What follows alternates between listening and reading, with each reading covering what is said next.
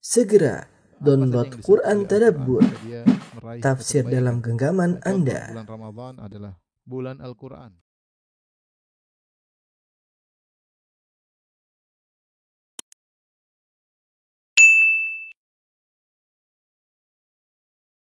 Bismillahirrahmanirrahim. Assalamualaikum warahmatullahi wabarakatuh. Alhamdulillahi ala ihsani wa syukru lahu ala taufiqihi wa amtinani wa asyhadu an la ilaha illallah wahdahu la syarika lahu ta'ziman li wa anna Muhammadan abduhu wa rasuluhu da'ila ridwani.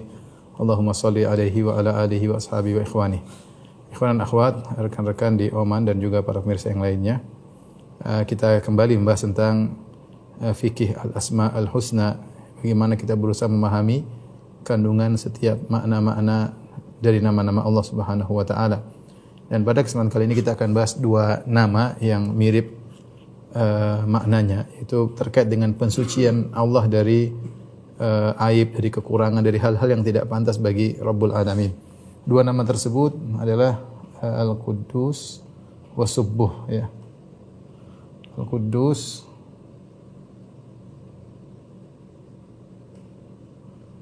Kudus dan As-Subuh.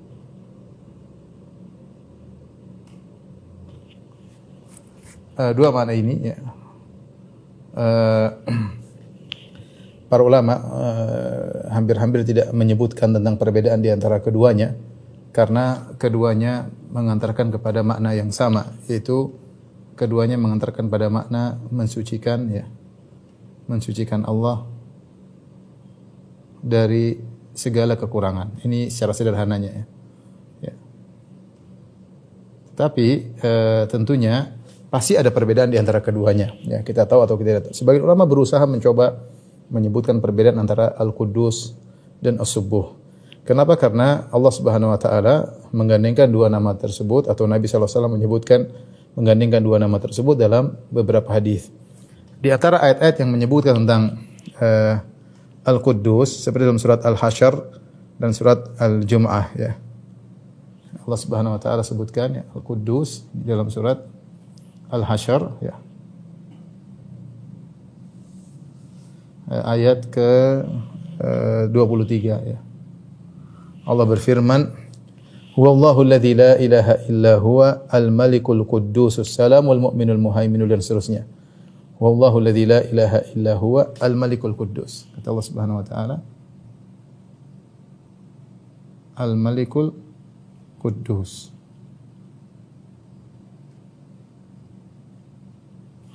Demikian juga dalam uh, surat Al-Jum'ah ayat pertama. Ayat pertama Allah berfirman, "Yusabbihu lillahi ma fis samawati wa ma fil ardil malikil quddus." Al-Aziz Al-Hakim. Ya, kata Allah, yusabbihu lillahi ma fil ard Al-Malikul Quddus. Al-Aziz Al-Hakim. Ya, di sini disebutkan Al-Quddus. Uh, adapun uh, subuh ya. As-subuh tidak datang dalam Al-Qur'an secara makna, tetapi datang dalam hadis. Dalam hadis di antara doa Nabi sallallahu alaihi wasallam ketika rukuk dan sujud ya. Nabi SAW bersabda, Subuhun Kuddusun Rabbul Malaikati Warruh. Ini doa ketika rukuk dan sujud ya. Atau zikir, rukuk dan sujud. Uh, Al-Quddus juga uh, datang dalam hadis ya. Selain hadis ini, dalam hadis Rasulullah SAW bersabda uh, setelah salat witir, Subhanal Malikul Quddus. Ya. Subhanal Malikul Quddus. Subhanal Malikul Quddus tiga kali. Tiga kali ya. Setelah witir. Kembali di sini ada perkataan Al-Quddus. Adapun subuh di sini dalam dalam hadis subuhun Quddusun Rabbul Malaikati Waruh. Maknanya sama ya, tapi kalau kita bicara tentang perbedaan, maka di sana ada beberapa pendapat tentang perbedaan antara as-subuh dan kudus ya. Kita coba uraikan sedikit pendapat ulama tentang perbedaan. Tapi kalau kita bilang tujuannya sama, makna subuh dan kudus adalah mensucikan Allah dari segala kekurangan, dari segala aib, dari segala keburukan yang tidak pantas bagi Allah Subhanahu wa taala. Eh, perbedaan antara Al-Quddus kemudian As-Subuh. Kalau kita boleh bedakan ya. Ya misalnya Al-Quddus diambil dari kata qadasah yang artinya at-taharah. Yang pertama ya diambil dari dari al-qadasah yang dari kata al-qadasah yang maknanya at-taharah. Taharah artinya suci. Jadi Al-Quddus artinya maha suci. Kalau kita mau artikan Al-Quddus sama dengan maha suci. Maha bersih, maha suci ya. Taharah artinya kesucian, kebersihan ya. Maha suci. Ini secara bahasa. Kalau subuh diambil dari sabbaha ya. Tasbih. At-tasbih yang maknanya adalah al-ibad, yang maknanya adalah al-ibad menjauhkan. Yaitu maksudnya menjauhkan Allah dari segala kekurangan ya. Menjauhkan Allah dari segala kekurangan, dari segala kekurangan. Nah, ini secara bahasa ya. Uh, Perbedaan berikutnya disebut oleh para ulama bahwasanya uh, Al-Quddus ya As-Subuh hanya hanya untuk Allah Subhanahu wa taala. Hanya untuk disifati kepada Allah. Tidak makhluk. Makanya yusabbihu lillahi ma fis samawati wa fil Sungguh telah bertasbih kepada Allah semua yang langit dan di bumi, ya. Adapun Al-Quddus bisa disifati kepada makhluk. Takdis uh, makhluk. Contoh, contoh kita mengatakan wa ayyadnahu biruhil qudus dalam Al-Qur'an biruhil qudus. Biruhil qudus maksudnya ruh suci, maksudnya uh, Nabi malaikat Jibril alaihissalam. Kami kuatkan sang nabi dengan Ruhul Kudus yaitu dengan malaikat Jibril. Malaikat Jibril disebut dengan Ruhul Kudus yaitu ruh yang disucikan. Ya. Contoh eh, kita mengatakan juga eh, Baitul Maqdis, Baitul Maqdis ya. Baitul Maqdis maknanya kembali kepada rumah yang disucikan ya. Kita katakan kepada eh, apa namanya? kepada bumi yang disucikan. Eh, ya qaumi dukhulul ardal muqaddasah allati kataballahu lakum dalam surat Al-Maidah Allah sebutkan dengan al-ardu al-muqaddas al-muqaddasah jadi bisa bisa Ruh Kudus Baitul Maqdis al-ardul muqaddasah bahkan sebagian ulama mendoakan ulama yang mengatakan qaddasallahu ruhahu semoga Allah mensucikan ruhnya ya bagi orang yang sudah meninggal meninggal dunia ini Adapun tidak dikatakan kita bilang misalnya eh, kepada makhluk kita bisa mengatakan ruh muqaddasah.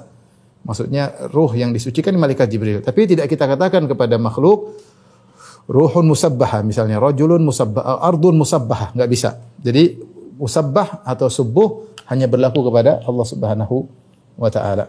Terkait uh, yang lainnya ada yang mengatakan bahwa ini semua yang nomor tiga ini, ini adalah uh, pendapat ya. Tapi kita sebutkan karena kaidah menyatakan ketika digabungkan dua dua kata ya subuhun kudus ya perhatikan ini ada dua kata subuh kudus. Ini pasti ada perbedaannya.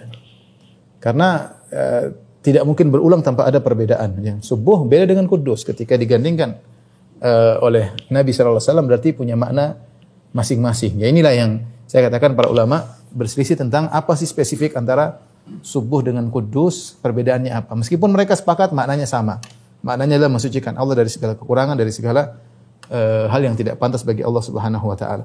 Ada yang mengatakan bahwasanya subuh mensucikan Allah terkait zat ya. Uh, mensucikan Allah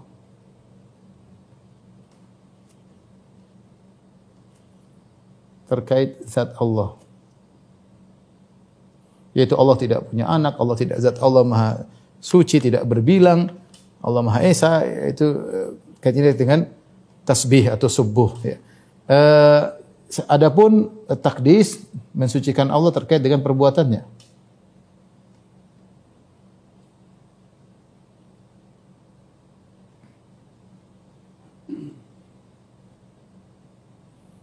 Perbuatan-perbuatan. Ini salah, salah satu di antara apa namanya uh, yang disebutkan oleh para uh, uh, para ulama ya. Ada yang uh, apa namanya menyatakan bahwasanya Al-Quddus terkait dengan uh, menetapkan sifat-sifat Allah yang mulia. Ini lagi pendapat yang lain lagi. Ada yang mengatakan empat, ya. Terkait subuh terkait dengan mensucikan Allah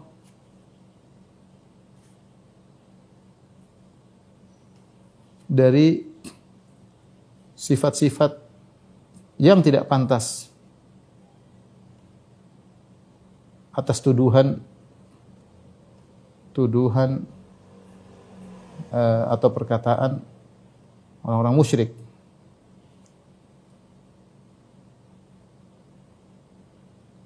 Ini ada pendapat demikian. Adapun Al-Quddus terkait dengan menetapkan sifat-sifat mulia ya menetapkan sifat-sifat mulia sifat-sifat mulia bagi Allah yang bertentangan dengan perkataan orang musyrikin dengan perkataan orang-orang musyrikin. Jadi uh, subuh dan kudus saling melengkapi. Perkataan orang-orang musyrik saling melengkapi. Wallah alam bisawab. Eh, jadi subuh terkait dengan menolak sifat-sifat yang tercela bagi Allah, kudus terkait dengan penetapan sifat mulia bagi zat Allah Subhanahu wa taala sehingga saling melengkapi. Ini di antara usaha pembedaan para ulama antara subuh dan kudus tapi semuanya sepakat bahwasanya yang dimaksud dengan subuh dan kudus artinya mensucikan Allah dari segala kekurangan hal-hal yang tidak pantas bagi Allah Subhanahu wa taala. Baik, uh, kita lanjutkan ya.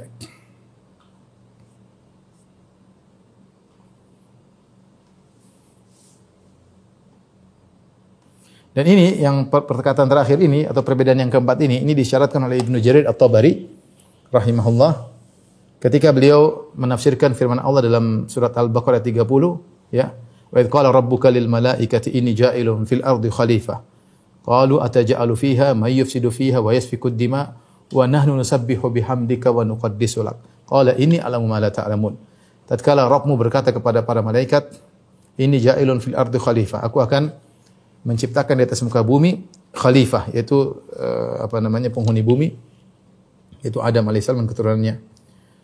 Maka malaikat bertanya, "Qalu ataj'alu fiha may yufsidu fiha wa yasfiku dima?" Ya Rabb, Ya Rob kami, apakah engkau akan menciptakan di atas muka bumi makhluk yang melakukan kerusakan di atas muka bumi, wa isfikud dima dan akan menumpahkan darah, yaitu akan terjadi bunuh-bunuhan. Wa nahnu nusabbihuka wa nahnu nusabbihu bihamdika wa nuqaddisu. Sementara kami selalu bertasbih kepada engkau dan selalu mentakdis engkau. Di sini lihat Allah menggandengkan antara tasbih dengan takdis.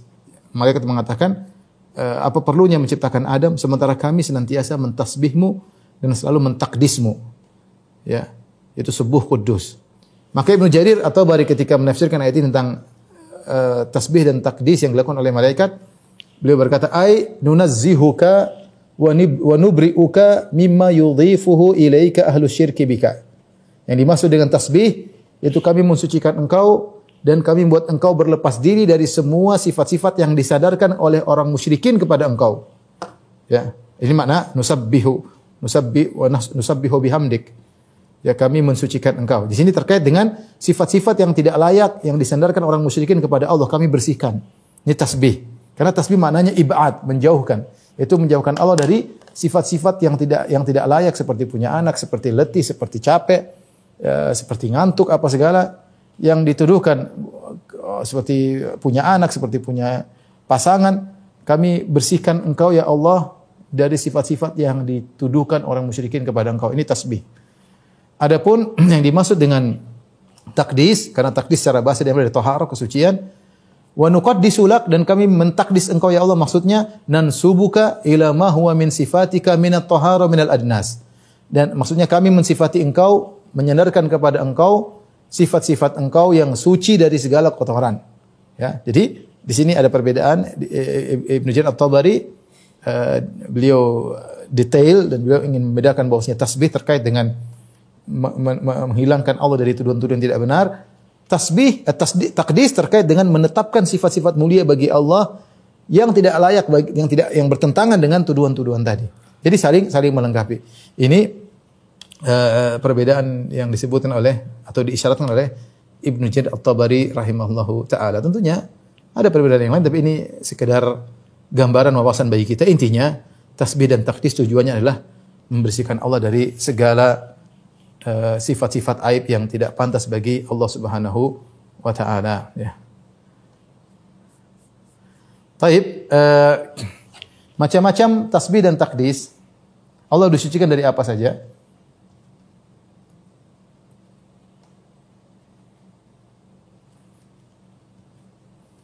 Allah disucikan dari perkara-perkara berikut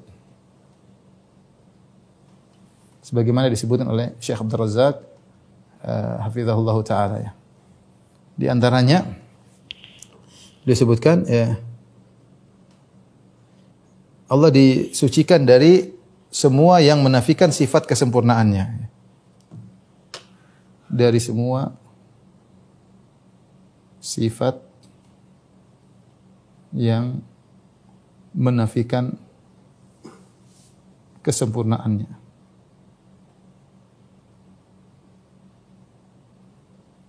sifat-sifatnya. Contoh, contoh. Kita tahu bahwasanya Allah memiliki sifat maha berilmu. Maha berilmu. Ya. Maka di antaranya Allah menafikan agar menyempurnakan maha berilmu ini Allah uh, menafikan misalnya kelupaan wa makana rabbuka nasiya ya. Tidak lupa ya, sifat lupa. Ya, sifat lupa Allah nafikan untuk apa? Untuk menjelaskan kempurnaan sifat maha ilmu. Uh, misalnya uh, kejahilan ya Allah apa namanya uh, ada yang Allah tidak tahu ya ini tidak tidak benar karena Allah mengetahui ya la ya'zubu anhu mithqalu dzarrah tidak ada sesuatu yang gaib dari Allah ya ya luput ya dari pengetahuan ini juga tidak apa namanya kejahilan ya ini juga dinafikan oleh Allah Subhanahu wa taala. Ya. Atau kita katakan begini. Contohnya sifat lupa ya, dinafikan luput dari pengetahuan tentang apa yang di langit dan di bumi ya. Ini dalam rangka untuk sempurnaan ilmu.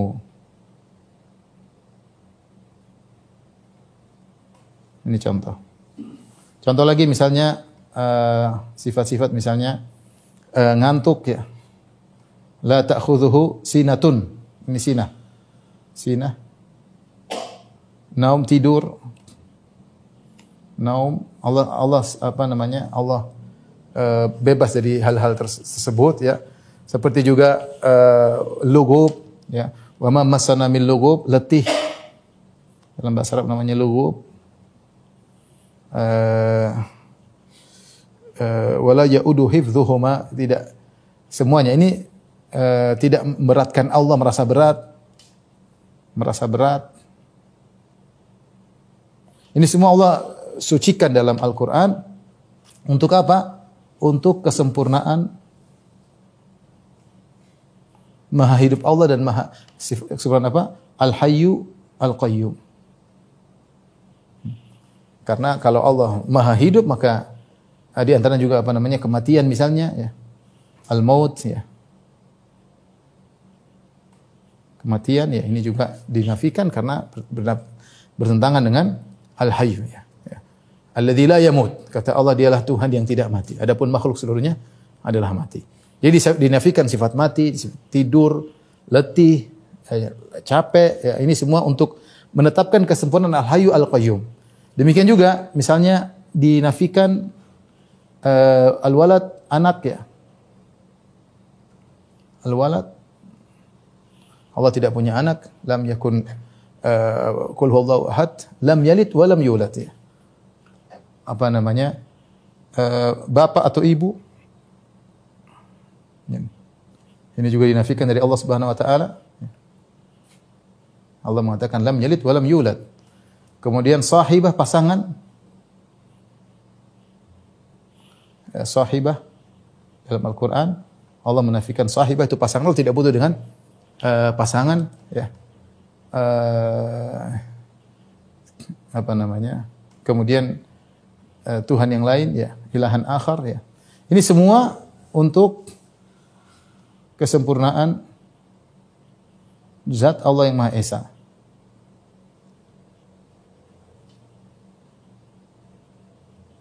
Karena kalau Allah punya anak, maka anaknya akan mirip dengan Allah Subhanahu wa taala. Dan kalau Allah punya ayah atau ibu berarti Allah akan sama dengan ayah dan ibunya. Berarti dia tidak sempurna dalam zatnya.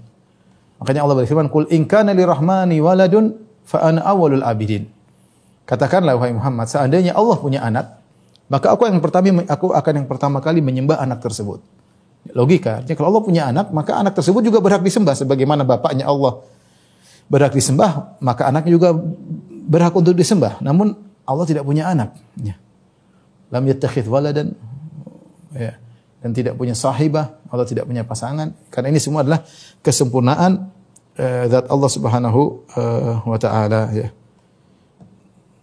Kemudian juga misalnya uh, menyempurnakan misalnya uh, kezaliman ya. Wa kana apa namanya? Wa ma rabbuka bidzalamil lil abid.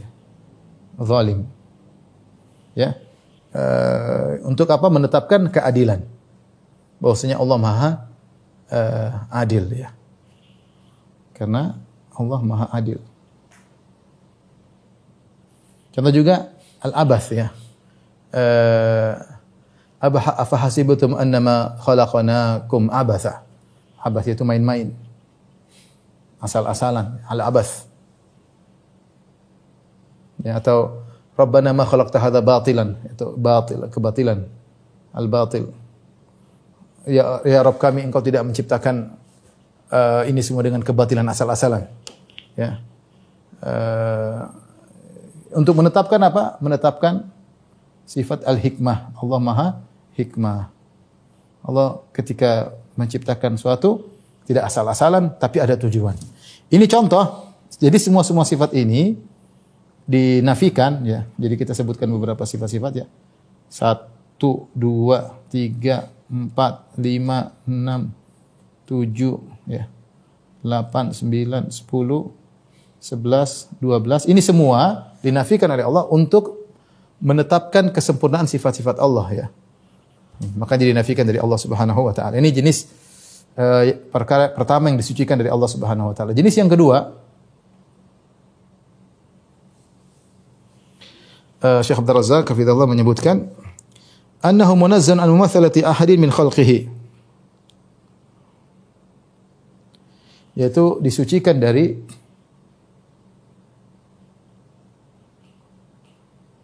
dari uh, adanya makhluk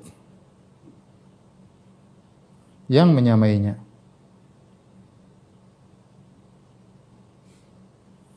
Ya, jadi tidak ada yang sama dengan Allah Subhanahu wa taala ya. Makhluk seluruhnya meskipun agung ya, betapapun tinggi kemuliaannya maka tidak akan sama dengan Allah Subhanahu wa taala bahkan tidak akan menyamai Allah Subhanahu wa taala ya. Semua sifat-sifat makhluk akan sirna karena Allah yang berikan. Namanya makhluk akan fana. Maka tidak akan sama dengan Allah Subhanahu wa taala. Betapapun sempurnanya makhluk makhluk tersebut. Maka tidak boleh kita menyamakan makhluk dengan Allah Subhanahu wa taala. Beri contoh mengatakan uh, seperti keyakinan wahdatul wujud bahwasanya Allah bersatu dengan makhluknya, bahwasanya semua makhluk ini bersumber dari Allah Subhanahu wa taala secara zatnya, dan ini adalah diambil dari uh, filsafat Platonis yaitu Al-Faidul Ilahi yang kemudian diadopsi oleh Ibnu Arabi ya, yang mengatakan tentang akidah wahdatul wujud. Uh, ini berarti menyamakan makhluk dengan Allah bahwa karena mereka mengatakan makhluk berasal dari zat Allah dengan curahan-curahan ilahi. Ini tidak benar. Atau mengatakan misalnya Nabi Muhammad sallallahu alaihi wasallam eh, nur Muhammad wasallam berasal dari nur Allah. Ini juga adalah kesyirikan karena menyamakan nur Muhammad seperti nur Allah Subhanahu wa taala juga tidak tidak benar. Tidak boleh menyamakan adanya makhluk, eh, tidak ada boleh makhluk yang menyamai Allah Subhanahu wa taala. Dari sisi zat tidak boleh ya.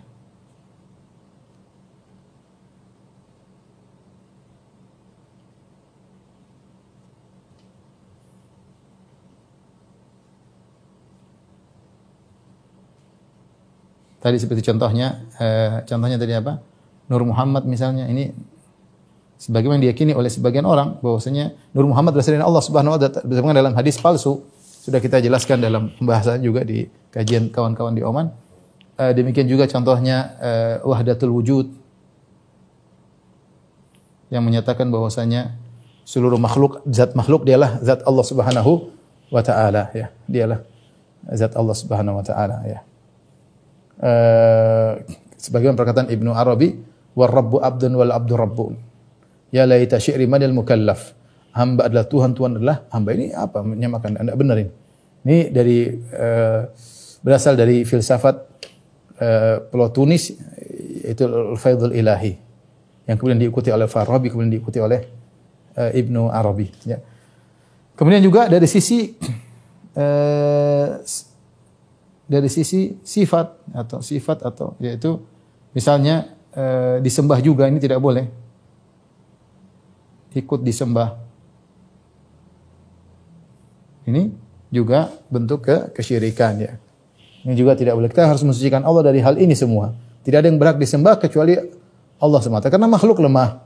Makhluk diciptakan. Bagaimana makhluk yang diciptakan kemudian berhak untuk disembah. Makanya ketika Nabi Muhammad SAW meninggal dunia, Umar ketika itu sangat bersedih ya. Maka datang Abu Bakar radhiyallahu bahkan Umar seakan-akan mengingkari Rasulullah SAW meninggal dunia disangkakan tidak percaya bahwasanya Rasulullah SAW telah meninggal dunia. Maka Abu Bakar radhiyallahu anhu yang lebih faqih daripada Umar bin Khattab radhiyallahu anhu mengingatkan bahwasanya Rasulullah SAW sudah meninggal dunia karena dia manusia, karena dia makhluk. Kata Abu Bakar radhiyallahu taala anhu, "Man kana ya'budu Muhammadan fa inna Muhammadan qad mat." Siapa yang menyembah Muhammad maka Muhammad telah mati. Wa man kana ya'budullah fa inna Allah hayyun la yamut. Siapa yang menyembah Allah maka Allah adalah Maha hidup dan tidak bakalan mati. Artinya Muhammad tidak berhak untuk disembah. Kenapa tidak berhak disembah? Karena dia adalah mati. Ya, semua yang mati tidak berhak untuk disembah. Adapun Allah Subhanahu wa taala berhak untuk disembah ya. Uh, contoh lagi uh, dari sisi dari zat misalnya misalnya menyatakan apa namanya Nabi Isa adalah uh, anak Allah Subhanahu wa taala. Tentunya merupakan kesalahan. Nabi Isa bukan anak Allah Subhanahu wa taala sebagaimana Adam bukan anak Allah Subhanahu wa taala ya. Sebagaimana Uzair juga bukan anak Allah Subhanahu wa taala tidak punya anak. Eh, jadi di antara yang harus disucikan dari Allah adalah menyamakan makhluk dengan Allah dari sisi zat ataupun dari sisi sifat seperti ikut disembah atau mengatakan bahwasanya uh, makhluk mengetahui ilmu gaib.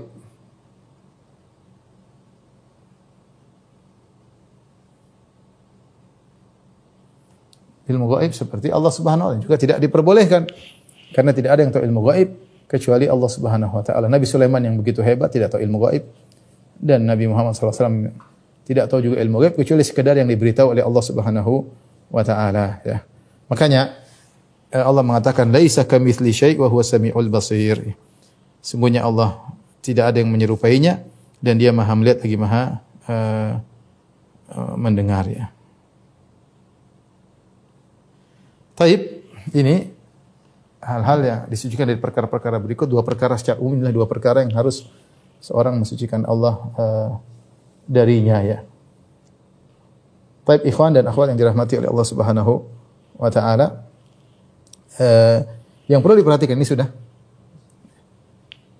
ada perkataan indah dari Ibn Rajab Al-Hambali rahimahullahu taala dinukil oleh Syekh Abdul Razak uh, hafizahullahu taala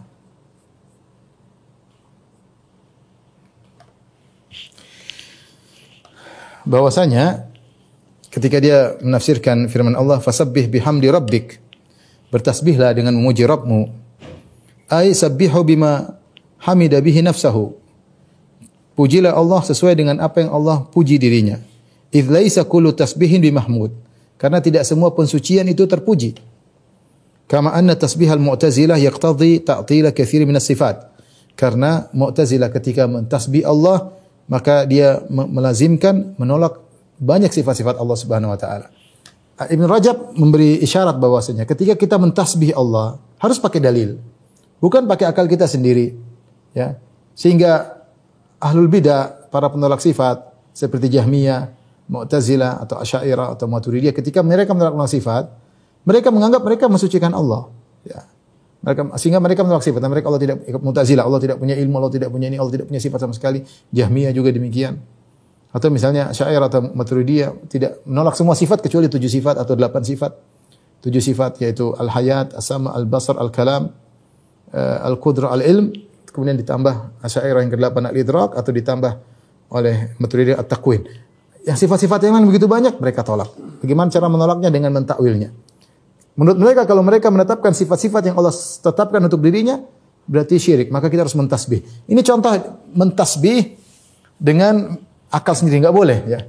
Karena kalau mentasbih dengan akal sendiri tanpa dalil akan melazimkan menolak sifat-sifat Allah Subhanahu wa taala. Contohnya Al-Ghazali ya, dalam uh, Al-Maqsad Al-Asna ya.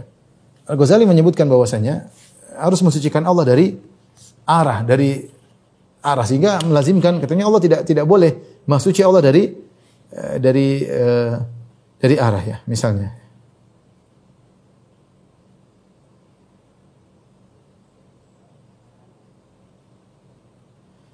Uh, seperti dia mengatakan ya al-munazzah an kulli wasfin yudrikuhu his bahwasanya Allah itu maksudnya dari segala yang bisa ditangkap oleh indera. Jadi tidak boleh Allah ditangkap dengan indera. Terus gimana? Gimana melihat Allah? Tidak ditangkap dengan indera mata. Padahal Nabi SAW mengatakan uh, apa namanya? In, innakum satarawna rabbakum yaumal qiyamati iyanan dengan muayyan. Sesungguhnya kalian akan melihat Rabb kalian dengan mata kalian. Ini jelas hadisnya terlalu banyak.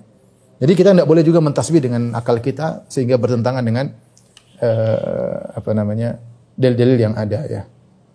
Uh, tentunya kita mentasbih sesuai dengan uh, dengan dalil yang ada. Asy'ariyah memang tidak boleh kita mengatakan Allah di arah tertentu. Akhirnya mereka menolak uh, sifat Allah Maha Tinggi ya, dengan logika mereka. Ya, karena kalau Allah begini, begini, begini, logika mereka ya. Karena mereka mentasbih Allah dahulu dengan makhluk. Kalau makhluk yang begitu maka begitu, maka Allah juga tidak boleh begitu.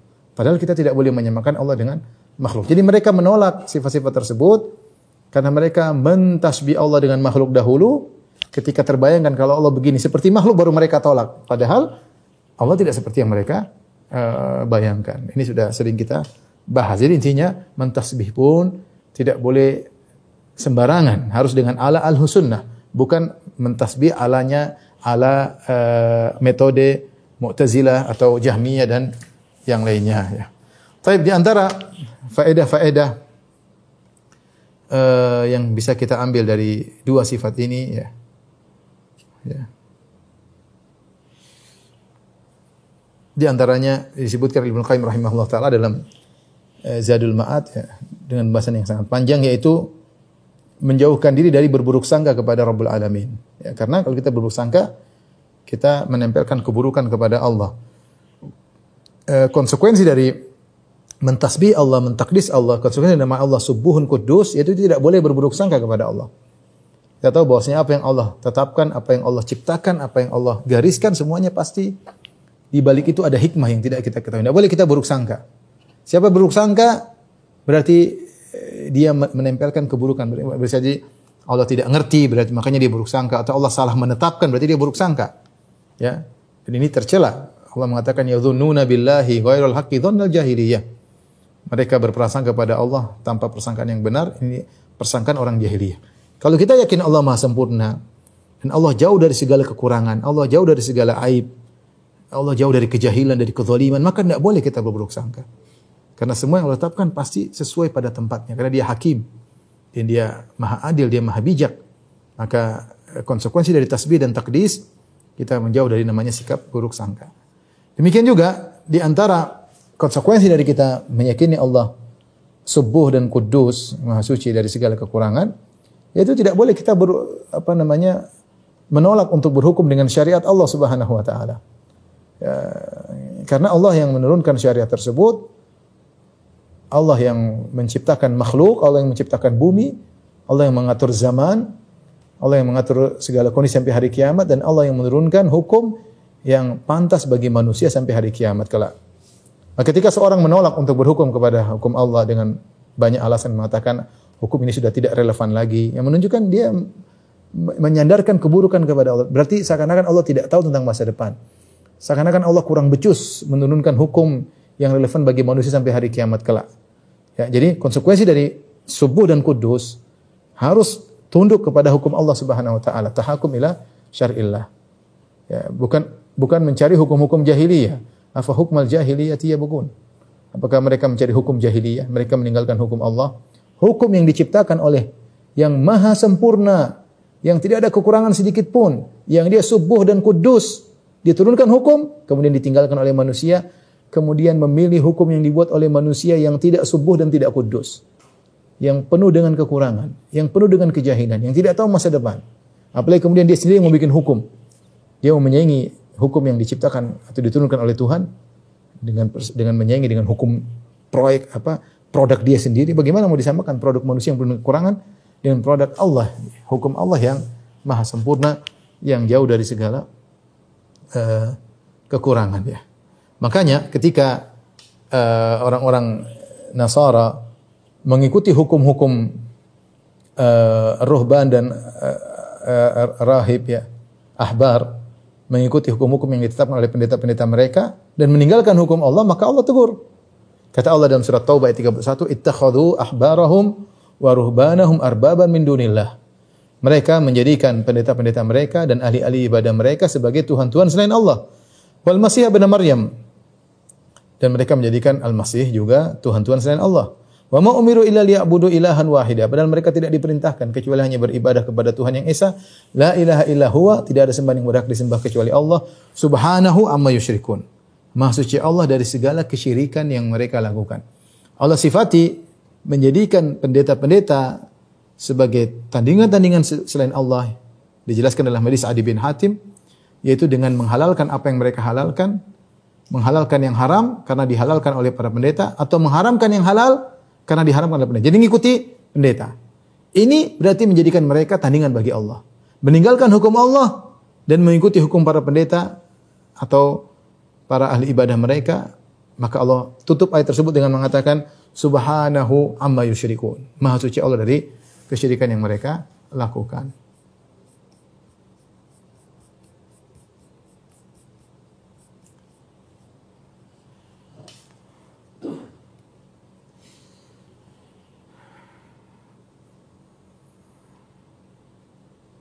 Taib, uh, terakhir kita akan bahas tentang hikmah uh, disering digandingkannya antara Al-Quddus dengan Al-Malik. Tadi disebut dalam ayat ya. Uh, Yusabbihu lillahi ma fis samawati wal ardil malikil quddus. Bertasbihlah kepada Allah seluruh langit yang ada uh, seluruh yang ada di langit dan di bumi. Al-Malikil Quddus, Allah yang Maha, Maharaja dan Al-Quddus Maha Suci. Ya. Kemudian juga dalam surat Al-Hasyr Allah berfirman, Huwallahu la ilaha illa huwal malikul quddus. Dialah Allah yang tidak ada yang berhak disembah kecuali Dia, Al-Malik sang Maharaja, Al-Quddus yang Maha Suci. Demikian juga ketika eh, zikir yang dibacakan setelah salat witir, Subhanal Malikil Quddus. Maha Suci Allah yang Al-Malik yang Maharaja, Al-Quddus. Tiga kali Nabi sebutkan yang Maha Suci. Apa rahasia digandengkan antara Al-Malik dan Al-Quddus ya? Disebutnya dalam kitab Tahrir wa Tanwir bahwasanya uh, bisa jadi ada makna yang baru karena namanya raja. Kenapa digandingkan maharaja dengan maha suci? Karena raja e, biasanya kalau raja dunia kalau dia sudah hebat, sudah pengatur semua ke, semua keputusan di tangannya, maka biasanya zalim ada melakukan kezaliman, ada hak yang dikurangi karena dia semena-mena. Kebanyakan raja seperti itu. Adapun Allah Subhanahu wa taala meskipun dia maharaja, meskipun dia yang mengatur semuanya, meskipun bumi dia yang ciptakan ya. Ini raja dunia saja, bukan dia yang ciptakan bumi, bukan dia yang ciptakan manusia, dia saja kadang berbuat berbuat lalim, berbuat zalim ya. Adapun Allah Subhanahu wa taala yang menciptakan alam semesta, yang menciptakan manusia, yang berikan mereka rezeki, dia tidak akan zalim kepada makhluknya. Dia tidak akan Makanya Allah digandengan antara Al-Malik, Maharaja dengan Al-Quddus artinya Allah Maha Raja dan tidak berbuat zalim, tidak sebagaimana raja-raja yang ada baru diberikan sedikit kekuasaan, kekuasaan yang terbatas itu pun sudah berbuat zalim semena-mena. Ya, padahal bumi bukan mereka ciptakan, rakyat mereka bukan mereka yang ciptakan, tapi mereka sudah berani untuk semena-mena berbuat tidak adil dalam hukum-hukum yang mereka keputusan-keputusan yang mereka tetapkan. Adapun Allah yang menciptakan manusia, menciptakan seluruh rakyat, menciptakan alam semesta, dia tidak berbuat zalim kepada makhluknya sama sekali. Demikian uh, ikhwan dan akhwat yang rahmati Subhanahu wa taala apa yang bisa kita sampaikan. Demikian saja yang saya sampaikan karena waktu sudah selesai. Insyaallah kita lanjutkan di kesempatan yang lain. Wabillahi taufiq wal hidayah. Assalamualaikum warahmatullahi wabarakatuh.